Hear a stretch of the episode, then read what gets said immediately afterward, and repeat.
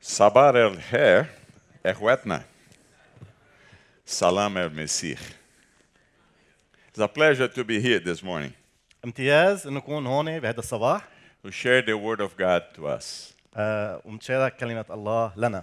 So let's read uh, the book of Acts, chapter 20, Father. verses 17 to 24. دعونا نقرأ سفر الأعمال الإصحاح 20 الأعداد 17 ل 24 ومن ميليتوس أرسل إلى أفسس واستدعى خصوص الكنيسة فلما جاءوا إليه قال لهم أنتم تعلمون من أول يوم دخلت آسيا كيف كنت معكم كل الزمان أخدم الرب بكل تواضع ودموع كثيرة وبتجارب أصابتني بمكايد اليهود كيف لم أؤخر شيئا من الفوائد إلا وأخبرتكم وعلمتكم به جهرا وفي كل بيت؟ شاهدا لليهود ولليونانيين بالتوبة إلى الله والإيمان الذي بربنا يسوع المسيح. والآن ها أنا أذهب إلى أورشليم مقيدا بالروح لا أعلم ماذا يصادفني هناك.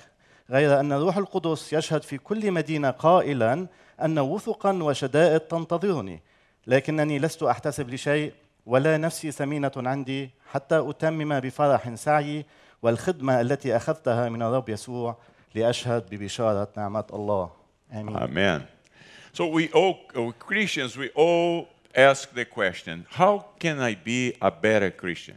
فكمسيحي نسأل السؤال كيف أنا أكون مسيحي أفضل Because we live for the glory of God. لأنه نحن نعيش لمجد الله So this is a very honest and important question. فهذا سؤال صريح آه، آه، ومهم جدا How can I be better?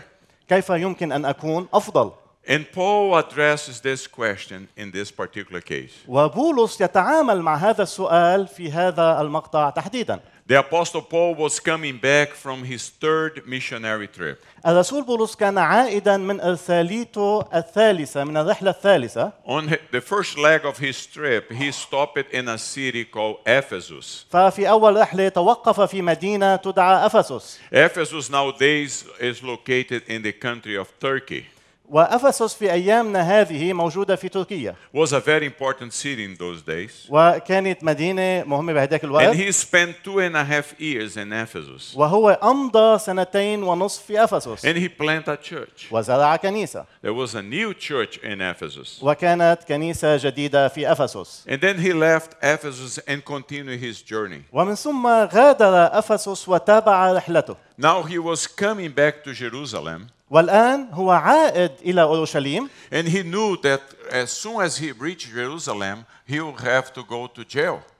وهو علم أنه عند وصوله إلى أورشليم كان سيذهب إلى السجن That was uh, given to him as a prophecy by uh, one of the prophets. وهذا الأمر أعطي له كالنبوة من أحد الأنبياء So he had no other chance to meet the brethren of uh, Ephesus as uh, that opportunity raised. فما في أي فرصة أخرى ليتلاقى بأخوة أفسس إلا هيدي الفرصة التي هي موجودة He stopped in a harbor called Miletus فهو توقف في ميناء اسمها ميناء ميليتوس that exists up to today التي هي موجودة حتى يومنا هذا and is located 60 kilometers from Ephesus. وهي تبعد 60 كيلومتر من أفسس And he sent a message to the leaders of the church and say, please come, come, let's have a last conversation. ومن هناك أرسل رسالة إلى قادة الكنيسة وقال لهم رجاء تعالوا فلنتحدث And the elders, the leaders of, from the church came and he had a wonderful conversation with them. والمشايخ وقادة الكنيسة لبوا الدعوة وأتوا وكان في حديث رائع معهم And in that conversation, he addressed the question, how can I be a better Christian? وفي هذه المحادثة تعامل مع السؤال كيف أكون مسيحي So أفضل this is a very important and contemporary question for all of us. فهذا سؤال مهم ومعاصر لنا جميعا And he answered by establishing four principles or four priorities that can help us to be better. وهو جاوب على هذا السؤال آه، عندما أسس أربع مبادئ لتساعدنا أنه نصبح مسيحيين And the first priority is on verse 19 that I asked you to read. والأولوية الأولى هي بالعدد 19 يلي قريناها يلي بتقول أخدم الرب بكل تواضع ودموع كثيرة وبتجارب أصابتني بمكايد اليهود Let's call this priority the priority towards God. خلينا نسمي هذه الأولوية الأولوية تجاه الله So, how do you see yourself before God? كيف ترى نفسك أمام الله Do you see yourself as a person who wants to serve God or as a person who wants to be served by God? هل ترى نفسك كشخص آه، تريد أن تخدم الله أو أن تخدم من الله As Christians, we should see ourselves as servants of God. كمسيحيين يجب أن نرى أنفسنا كخدام لله In the deep level of our motivations, وفي عمق دوافعنا everything we do كل شيء نفعله should be for the glory of God. يجب أن يكون لمجد الله Because everything we are, لأنه كل ما نحن عليه everything we own, كل ما نملك everything that belongs to us كل شيء لنا is given to us by God's grace. أعطي لنا بنعمة الله For Him, all the glory. له كل المجد A friend of mine is a pastor of a church of 8,000 people. صديق لإلي هو راعي كنيسة كبيرة تضم 8000 شخص Can you imagine coming to a, a service with 8,000 people? هل تتخيل انك تجي على اجتماع ويكون في 8000 شخص It's a lot of people. هودي اشخاص كثير And he started that church when uh, from in his apartment with five people. وبدا هيدي الكنيسه ب- ببيته مع خمس اشخاص Now, 40 years later, he has a big congregation. والان بعد اربع سنوات في عنده And, and كنيسه a كبيره reporter from a Christian uh, magazine came to him to interview him. وصحافه من مجله مسيحيه اتى اليه لحتى يعمل تقرير معه And the report asked this question to him وسالوا الصحافي هذا السؤال Pastor John, would you like to be the pastor of the whole world? ايها الراعي جون هل تريد ان تصبح راعي كل العالم Wh- What do you think that he answered? برايكم شو جاوبوا Ah, yes, amen, amen. Some Amen. will say, of course, I would say yes. فالبعض بيقول طبعا رح يقول Some ايه will say no. البعض الاخر بيقول لا I, if I were in his place, I would say, yes, I, wa- I want to be a pastor of the whole world. لو كنت انا مكانه كنت قلت نعم اريد ان اكون راعي كل العالم But he replied to the uh, reporter, said, no way. ولكن هو جاوب هذا الصحافي I وقال don't له want to be the pastor of the whole world. ابدا لا اريد ان اكون راعي كل And the العالم reporter was very surprised. وتفاجأ الصحافي And then the reporter asked again, why pastor would you like not to be, would not be the pastor of the whole world? وسأله لماذا حضرة الراعي لا تريد أن تكون راعي كل العالم And Pastor John told him, وقال له الراعي جون my friend, I cannot be and don't want to be the pastor of the whole world because that position is not available. يا صديقي لا أريد ولا يمكن أن أكون راعي كل العالم لأنه هذه المكانة غير متوفرة There is already a, a supreme pastor of our souls. His name is Jesus Christ. هناك راعي أعلى لأرواحنا واسمه يسوع المسيح If deep in my heart I really want to be the pastor of the whole world, لو في أعماق قلبي أريد أن أكون راعي كل العالم I will not be cooperating with Christ, I will be competing against Christ. ما بكون أنا عم بتعاون مع المسيح بكون عم بتنافس مع المسيح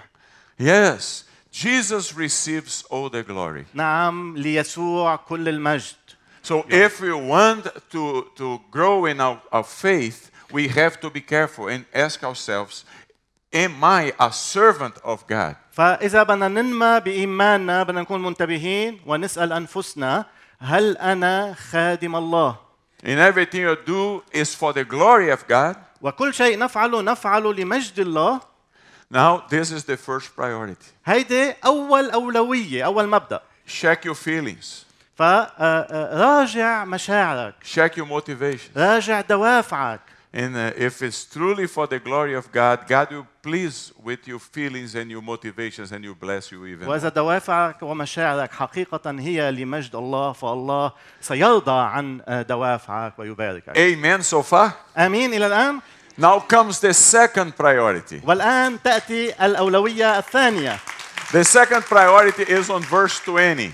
وهي في العدد Please. عشرين كيف لم أؤخر شيئا من الفوائد إلا وأخبرتكم وعلمتكم به جهرا وفي كل بيت So, if the first priority is the priority towards God, that is serving God with a humble heart, فإذا كانت أول أولوية هي الأولوية تجاه الله أن أخدم الله بقلب متواضع the second priority is the priority toward, towards our brethren.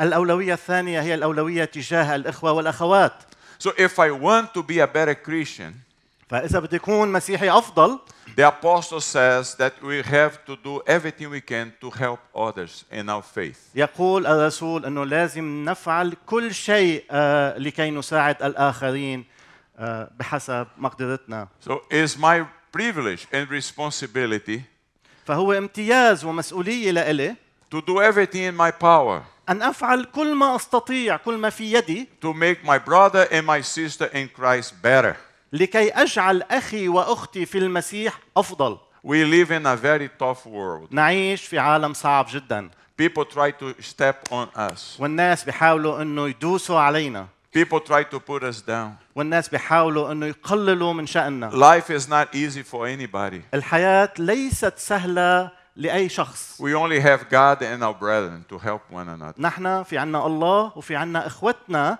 لنساعد بعضنا البعض We have to make a commitment to help others. لازم ن- نلتزم انه نساعد الآخرين The Bible says uh, that we should not be looking so much to our own interests, but also for the well being of others. يقول الكتاب المقدس انه مش لازم ننظر الى منفعتنا ومصلحتنا الخاصة بل الى مصلحة الآخرين So, the measure, measurement of success in a Christian life فإذا آه، القياس للحياة المسيحية in relation to relationship with my brothers and sisters بما يتعلق في علاقتي بالإخوة والأخوات is if at the end of a year my brothers and sisters are better, هو إذا كان بنهاية السنة خيي وأختي هو أفضل if only myself improves and the other ones no, something is wrong. لو أنا فقط عم بنمى وبتقدم والآخرين لا في شيء غلط Because Christianity is the only religion in the world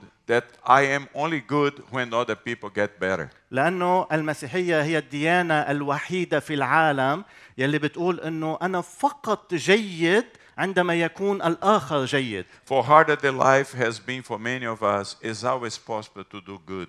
فمهما كانت الحياة صعبة للكثير قديش فينا نحن نعمل الجيد للآخر The good pastor, the good shepherd prepares a table of reconciliation and a table of mercy to help others. الراعي الصالح القسيس الصالح هو يلي بعد مائدة مائدة مصالحة مائدة للآخرين أمام الآخرين In this commitment to make others better in the Christian faith, our brothers and sisters better, is not only a commitment to do good, but in order to do good, we have also to know the scriptures. ف وهذا الالتما... الالتزام أن أجعل من الشخص الآخر أفضل آه، هو أيضا آه، التزام لنا جميعا Because sometimes brothers and sisters come and talk to us and share their struggles. آه، وهو التزام أن نكون أو نقرأ الكتاب المقدس لأنه أخوتنا وأخواتنا أحيانا بيجوا لعنا وبيشاركوا مصاعبهم معنا if we know the word of God, we can bless them with the treasure of God's word. وبالتالي هذا الالتزام إذا كان مبني ونعرف كلمة الله فساعتها فينا نساعدهم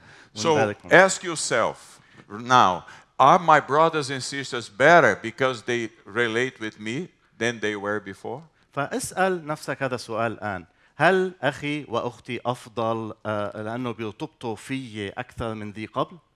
That is the second priority. هيدي هي الأولوية الثانية Now let's go to the third priority to make us a better Christian. هلا خلينا ننتقل للأولوية الثالثة يلي بتجعلنا نكون مسيحيين Verse 21. أفضل العدد 21 شاهدا لليهود واليونانيين بالتوبة إلى الله والإيمان الذي بربنا يسوع المسيح Look what the Apostle Paul is saying. انظر ما يقول الرسول بولس He said that the first priority is towards God, that is serving God with a humble heart. هو قال انه اول اولويه هي تجاه الله ان اخدم الله بقلب متواضع The second priority is the priority towards the brethren in Christ to help them to improve. والاولويه الثانيه هي تجاه الاخوه والاخوات في المسيح لحتى ساعدهم انه ينموا ويتقدموا But the third priority is towards my, my friends that are not Christian yet. ولكن الاولويه الثالثه هي تجاه اصدقائي الذين ليسوا مسيحيين بعد For the people, the majority that are not Christian yet, what is my priority towards them? فللناس للاغلبيه ما هي اولويتي تجاههم تجاه الناس Is to be salt and light. هي انه كون ملح ونور Is to communicate Christ to them. هو انه وصل رساله المسيح المسيح لهم God has given us so many friends. الله اعطاني اصدقاء كثيرين We all here have friends that are uh, Christians and non-Christians. نحن هون جميعا في عنا أصدقاء أصدقاء مسيحيين وأصدقاء غير مسيحيين Friendship is a blessing. الصداقة هي بركة is a wonderful thing. وهي أمر مميز How many of us could say that in moments of trials and tribulations, someone extend a hand, a friend hand to, towards us? كم شخص منا بيقدر يقول هالاختبار انه بوقت الصعوبات والضيقات انمدت له يد صديق لتساعده So, all of us, uh, we have friends. كلنا جميعنا So, عنا and if you أصدقاء really like our friends, what is the best and most precious treasure that we have to give to him or to her? وإذا حقيقة نحن منحب أصدقائنا شو هو أفضل وأعظم كنز منقدمه لإلهم It's the person of our Savior, Jesus Christ. هو آه، آه، مخلصنا يسوع المسيح Jesus told us, Go into the world and make disciples, make other people believers. يسوع قال لنا اذهبوا إلى العالم وتلمذوا واجعلوهم مؤمنين And life has not been easy to anybody here. والحياة منا سهلة لأي شخص هنا Just by looking at your face and you looking at my face, you can see that life is tough for all of us. فقط بمجرد النظر إلى وجوهكم وأنتم عم تنظروا إلى وجهي فينا نقول أنه الحياة صعبة لنا جميعا I was born in a family of 22 brothers and sisters. أنا ولدت في عائلة مؤلفة من 22 أخ وأخت My, I'm number 21. وأنا رقم 21 So, uh, My mother and my father. Yeah. من أمي وأبي Yeah, uh, uh, when I was born, my father was 76 عندما ولدت كان والدي عمره 76 and سنة my mother 36. ووالدتي كان عمرها 36 سنة He was a strong man. وهو كان رجل قوي 22 brothers and sisters. 22 أخ وأخت But in three years, I lost nine brothers and sisters. ولكن في خلال ثلاث سنوات أنا خسرت تسعة من إخوتي And وأخواتي you can imagine how painful this was. وأنتم أكيد فيكم تتخيلوا قديش هيدا مؤلم Life is not easy. الحياة ليست سهلة It's a very complicated matter. وهي أمر معقد جدا And it's complicated to everybody, you, me, and, and the whole world. وهذا الأمر المعقد للجميع لك لي ولكل العالم And people are looking upon us As Christians. ولا والناس ينظرون إلينا كمسيحيين And they are asking how they react to the bad news of life. وهن عم يسألوا كيف نتجاوب مع أخبار الحياة الصعبة Because if everything was went well to us all the time, people will invite us.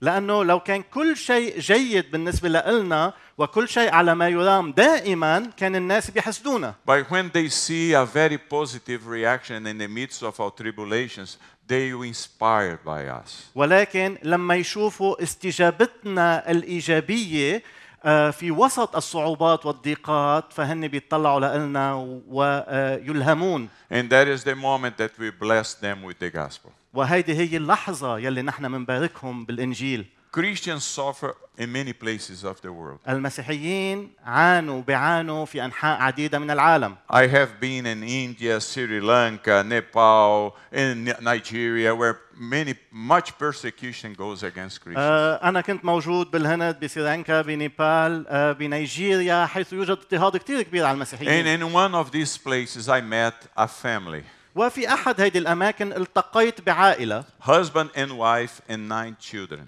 زوج وزوجة وعندهم تسعة أولاد And they came, they, they, they convert to Christ. وهن أصبحوا They مسيحيين gave their lives to Christ. أعطوا حياتهم للمسيح And they were in a place where they escaped from their country and uh, a refugee. وكانوا بمكان هربوا من الاضطهاد كانوا لاجئين And very soon they receive a letter from the family وفجأة تلقوا رسالة من عائلة in that particular country. من في هذا البلد تحديدا And the letter would say, I, We heard that you convert to, uh, to Christianity. To وهذه. الرسالة تقول سمعنا أنكم أصبحتم مسيحيين This is what I'm telling you. We are going there to kill you. هذا ما نقوله لكم نحن جايين لنقتلكم And we are going to kill you crucified. ورح نقتلكم بالصلب رح نصلبكم The husband received the note, تلقى الزوج هيدي الرسالة read, قرأها and wrote on the back of the note وكتب على ظهر الرسالة the following التالي كتب التالي As Being uh, killed, no problem, because we are already dead with Christ. بالنسبة لموضوع القتل ما في مشكلة نحن أصلا أموات في المسيح We belong to Him in life and death. نحن ننتمي له في الحياة والموت As being killed by being crucified, please, we don't deserve the honor of dying as our Savior died. بينما بالنسبة للقتل مصلوبين رجاء نحن لا نستحق هذا النوع من القتل لأنه مخلصنا مات بهيدا الشكل أو بهيدي الطريقة What a powerful testimony. يا لها من شهادة قوية And then the girl, the daughter, 17 years old daughter, ومن ثم الابنة يلي عمرها 16 سنة asked me a question. Said, uh, Dr. Dantas, do you want to know my mission field? فسألتني سؤال قالت لي دكتور دانتس هل أنت بدك تعرف شو رسالتي شو عملي خدمتي And بالحق I said, Oh, yes, yes. Where is that? فقلت لها نعم نعم أين هذا She وين said, Come, come into the car. رسالتك فقالت لي تعا تعا معي إلى السيارة And she put me in a little a small car and drove on that uh, road. ووضعتني في سيارة صغيرة وقادت بي على هيدا الطريق And then suddenly we came to a hen house, a chicken coop, وفجأة وصلنا إلى بيت دجاج a big one. بيت دجاج كبير And uh, the owner of that place transformed that chicken coop, the place, in 50 small apartments. ومالك هذا المكان حول بيت هيدا الدجاج إلى خمسين شقة صغيرة It was dirty, ugly. وكانت كان المكان متسخ وقبيح. And that man was charging $300 for each family just to be in that little space. وكان هذا الرجل عم آه، يخلي العائلات يدفعوا 300 دولار لحتى أو لحتى يسمح لهم يقعدوا بهذا المكان الصغير. And that girl and her family were living there. وهيدي الفتاة وعائلتها كانوا عايشين بهيدا المكان. So the car stopped. فتوقفت السيارة. And she left, she left, opened the door and left the, the seat already singing praises to Christ. وتركت الباب مفتوح وتركت السيارة وهي عم بترنم وتمجد اسم المسيح And I thought to myself, I am in a big trouble. I'm going to be killed here. وأنا فكرت في ذاتي أنا في مشكلة كبيرة رح يقتلوني بهيدا But she المكان couldn't care less. She was uh, singing, and then very soon, one or two minutes, the doors of the 50 apartments, little rooms, began to open, and hu- uh, almost 200 kids came out.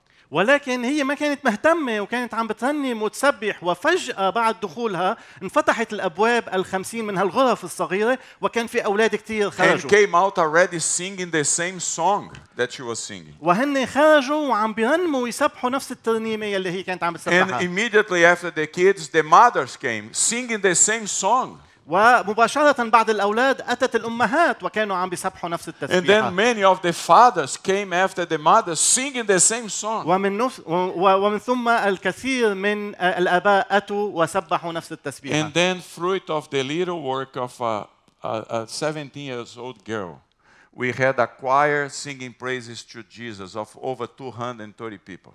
وثمار هذه الفتاة الصغيرة في عنا أشخاص أكثر من 230 شخص عم بيسبحوا ويرنموا What I learned there was that everybody can transform your little place that sometimes is so hard, it's like a chicken coop, into a sanctuary for the glory of God. آه، يلي تعلمته بهذا المكان إنه آه، جميعنا نستطيع أن نغير ونشكل من هذا المكان يلي هو بيت الدجاج يلي هو قبيح تحول إلى تسبيحة وترنيمة لمجد الله. People tell me the world is terrible. الناس بيقولوا لي انه العالم فظيع It's going from bad to worse. والعالم يتجه من السيء الى الاسوء And I tell them, your word is terrible. Mine, no. انا بقول لهم انه عالمكم هو الفظيع والرهيب ولكن عالمي ليس كذلك My world, the world of my friends, is getting better every day. عالمي عالم اصدقائي يصبح افضل يوم بعد يوم Because as Christians, we share the good news. لانه كمسيحيين نحن نشارك الخبر السار And we transform our chicken coop into a sanctuary. ونغير آه، هذا المكان مكان الدجاج بيت الدجاج الى مكان مقدس Hallelujah.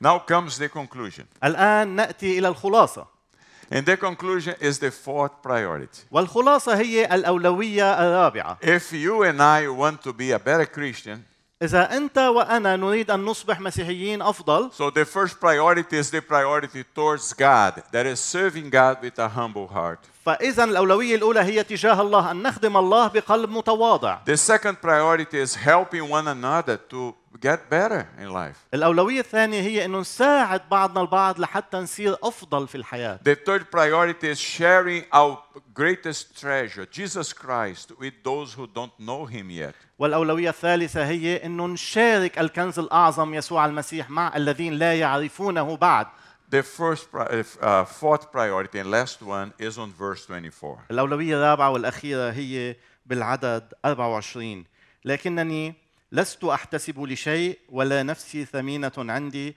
حتى أتمم بفرح سعي والخدمة التي أخذتها من الرب يسوع لأشهد ببشارة نعمة الله And the last priority then is the priority towards myself. Is the one that I decide to make my priority in order that I can do the other three well. والأولوية الأخيرة هي الأولوية يلي تتوجه إلى نفسي يلي أنا أريد أن أجعلها أولوية لكي أستطيع أن أحقق الأولويات الثلاثة يلي تكلمنا عنهم And according to the Apostle Paul, the fourth priority, the f- basic one, is the priority towards myself that is sacrifice. وبحسب الرسول بولس الأولوية الرابعة الأولوية الأساسية لي هي آه، أولوية التضحية No, nobody gets anything in life without paying a certain price. ولا حدا بياخد أي شيء من الحياة إلا أنه يكون خادم للمسيح And following Christ is very costly واتباع المسيح مكلف جدا because deciding to help others, deciding to bless others, take time from us. لأنه آه، هذا بيتطلب قرار أنه نبارك الآخرين Put قرار our أنه lives sometimes in risk, آه، نساعد الآخرين هذا بيتطلب وقت وبحط حياتنا في خطر أحيانا but it's worthy. ولكن هذا الأمر يستحق It's fantastic. وهو رائع مذهل Because in our uh, biblical perspective, when we read the Bible, the most important thing is not how we start, it's how you end. لأنه من المنظور الكتابي أهم شيء ليس كيف نبدأ بل كيف ننتهي Because uh, how we end will be the glorious moment when the Lord comes to us and say, "Come, faithful servant. You are faithful and so little. Come into the paradise. Come into heaven." لأنه كيف ننتهي هي هذه اللحظة المجيدة عندما يأتي المسيح ويقول نعما أيها العبد الأمين تعال أيها العبد الأمين وكن معي في الفردوس The most important thing is how we cross the finishing line. أهم شيء هو كيف آه، نصل إلى الخط النهائي Because those who persevere to the end will be saved. لأن هؤلاء الذين يثبتون إلى النهاية The question يخلصون is, did Paul finish well? والسؤال هو هل أنهى بولس بشكل جيد Six years later, بعد ست سنوات he writes another letter in the Bible, in the scriptures, to the pastor of those men. كتب آه، رسالة أخرى إلى آه، رعاة هؤلاء الرجال الذين التقى بهم The pastor's name was Timothy. وكان الراعي هو تيموتاوس اسمه And تيموتاوس he writes a beautiful letter called Second Timothy. وكتب رسالة جميلة رسالة تيموتاوس الثانية And then he, and that man, uh, Timothy, was a disciple, was someone that he brought to Christ. وهذا الرجل تيموتاوس كان تلميذ وهو شخص أتى به إلى المسيح And he write to Timothy the following وكتب إلى تيموتاوس التالي Timothy, I appeal three times to the emperor يا تيموتاوس أنا استأنفت ثلاث مرات إلى الإمبراطور أمام الإمبراطور I appeal my case in the regional court, in the city court, and in the Caesar court, and I lost. فأنا آه، استأنفت قضيتي في آه، محكمة المدينة في محكمة آه، المكان يعني القرية وبعدين في محكمة الإمبراطورية ورفض استئنافي في ثلاث محاكم Timothy, the judge told me that they are going to kill me. ويا تيموتاوس قال القاضي لي بأنهم سيقتلوني And the, the way that they are going to kill me is they are going to behead me. والطريقة التي سيقتلونني بها هي أنه يقطعوا رأسي So I'm writing this letter to you, 2 Timothy chapter 4. I'm writing this letter to you to say bye-bye to you. فأنا عم بكتب هيدي الرسالة لإلك 2 تيم- تيموتاوس الإصحاح الرابع لحتى أقول لك باي باي But let me ask you a question. ولكن دعني أسألك سؤال Are those men who met me six years ago still in your church? هل هؤلاء الرجال يلي التقوا بي من ست سنوات بعدهم بالكنيسة بكنيستك؟ If they are still there, would you mind and tell them the following? إذا كان بعدهم بالكنيسة لو سمحت خبرهم التالي Six years ago, I told them that I consider my life worth nothing to myself as long as I could finish my journey. من ست سنوات أنا خبرتهم أنه حياتي لا تحتسب ما دمت أنا أستطيع أن أنهي رحلتي Now my journey is finishing. والآن رحلتي انتهت وصلت إلى They are النهاية going to kill me. رح يقتلوني Please tell them رجاء أخبرهم that I, I still do continue the same person. بأنه أنا ما زلت نفس الشخص I fought the good fight. جاهدت الجهاد الحسن I kept my faith. حفظت إيماني And I am completing my journey. وأنا الآن أنهي مسيرتي I only can imagine that those men, when they received the letter, أنا فقط أتخيل هودي الرجال لما آه، تلقوا هيدي الرسالة they not only cry, but they rejoice also.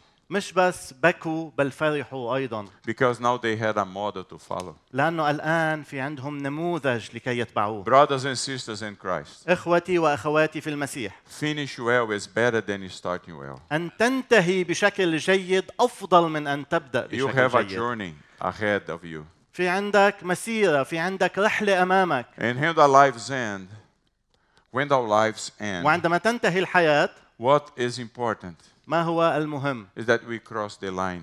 هو أنه نحن نصل إلى خط We'll النهاية meet our Savior. ونتجاوز ونلتقي بمخلصنا And the people that we left behind will say, is worthy. والناس الذين تركناهم وراءنا بيقولوا يستحق هذا الأمر And I will follow that person's footsteps. وبيقولوا سأمشي في خطى هذا الإنسان هذا May الشخص God bless us ليباركنا الله and help us to be everything that God wants us to be. ويساعدنا أن نكون كل ما يريدنا الله أن نكون عليه Hallelujah.